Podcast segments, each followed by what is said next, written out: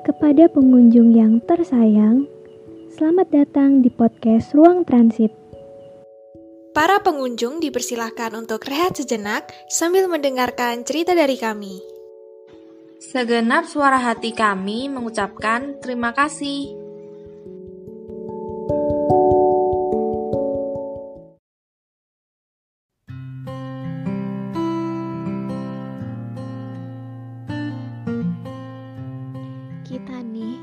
Jadi manusia yang hidup, mungkin belum benar-benar paham apa artinya hidup. Sebenarnya kita bisa memahami itu kalau kita mau. Tapi terkadang dunia di sekitar kita yang rasanya berjalan terlalu buru-buru, akhirnya bikin kita ngelewatin gitu aja. Melewati fase-fase menjadi dewasa itu nggak ada waktu tepatnya.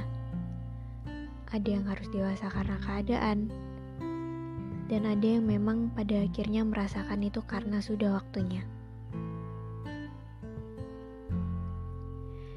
Yang namanya rencana kan pasti nggak sempurna.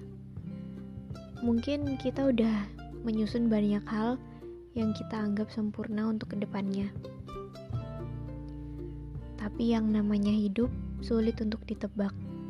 Dan terkadang menggantungkan harapan kita sama rencana yang udah kita buat juga nggak baik.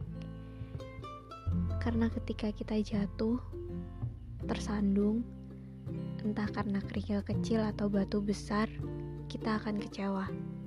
Kita akan marah, dan bisa jadi kita hancur.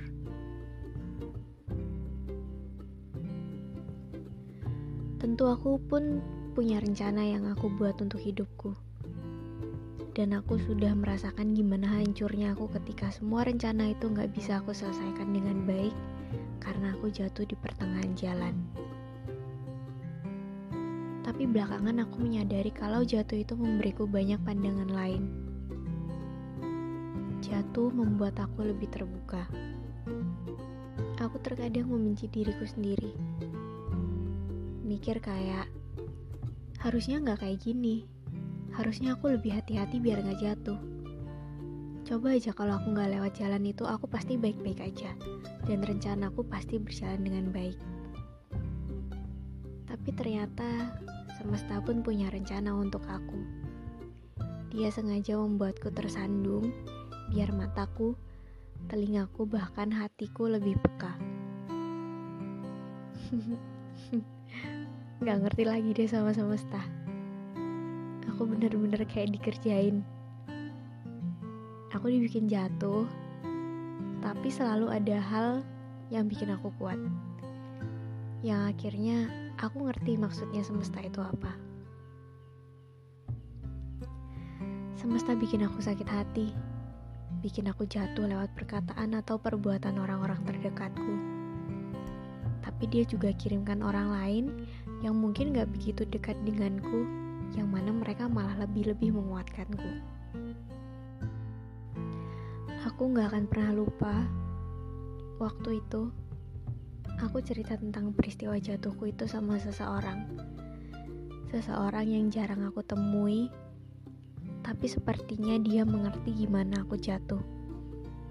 Dan satu yang aku gak akan lupa, yang bikin aku nangis dan ngerasa kalau jatuhku ternyata gak sia-sia.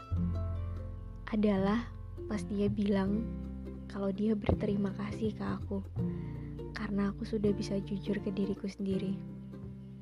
Karena aku jujur dan aku sebenarnya tahu mauku apa. Detik itu waktu dia ngomong gitu, aku benar-benar nahan nangis. Aku dibikin sadar kayak ternyata walaupun aku jatuh, sebenarnya aku masih mengerti aku harus apa. Aku tahu aku harus ngebatin lukanya. Aku tahu aku pelan-pelan harus berdiri lagi.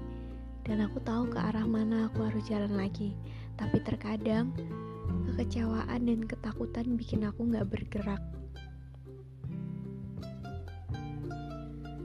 Sebenarnya masalah kan selalu datang sama penyelesaiannya. Kalau masalah berani datang ke kita, pasti yang namanya penyelesaian akan menghampiri kita juga. Tapi terkadang penyelesaian itu selalu tertutup sama yang namanya ketakutan. Itu manusiawi, wajar kita takut, tapi jangan berlarut-larut. Jangan sampai ketakutan itu menghabisi waktu kita yang harusnya bisa kita pakai buat menenangkan diri kita yang akhirnya bisa membuka jalan ke penyelesaian itu. Dan setelah itu, setelah aku berhasil berdiri lagi, aku ngerasa kalau aku hidup. Aku gak pernah ngerasa sehidup ini selama aku hidup.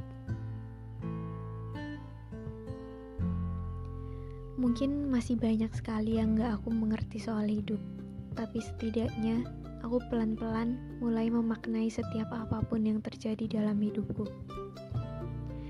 dan mencoba lebih bijak dalam menjalani hidup. Pasti akan selalu ada hari-hari di mana kita ngerasa capek. Kita ngerasa hari itu kok buruk banget. Tapi coba deh, duduk sebentar, Terus ingat-ingat hal baik apa yang udah terjadi selama hari itu. Sekecil apa pun itu. Kalau sudah ingat, syukuri ya. Seburuk apa pun hari kita, pasti ada kebaikan di dalamnya. Besar atau kecilnya masalah yang datang, sadari kalau ternyata kita masih kuat setelah mungkin berkali-kali ingin menyerah. boleh, yang nggak boleh itu menyerah. Jadi istirahat dulu, sambil kita memaknai hal-hal yang sudah terjadi dalam hidup kita. thank you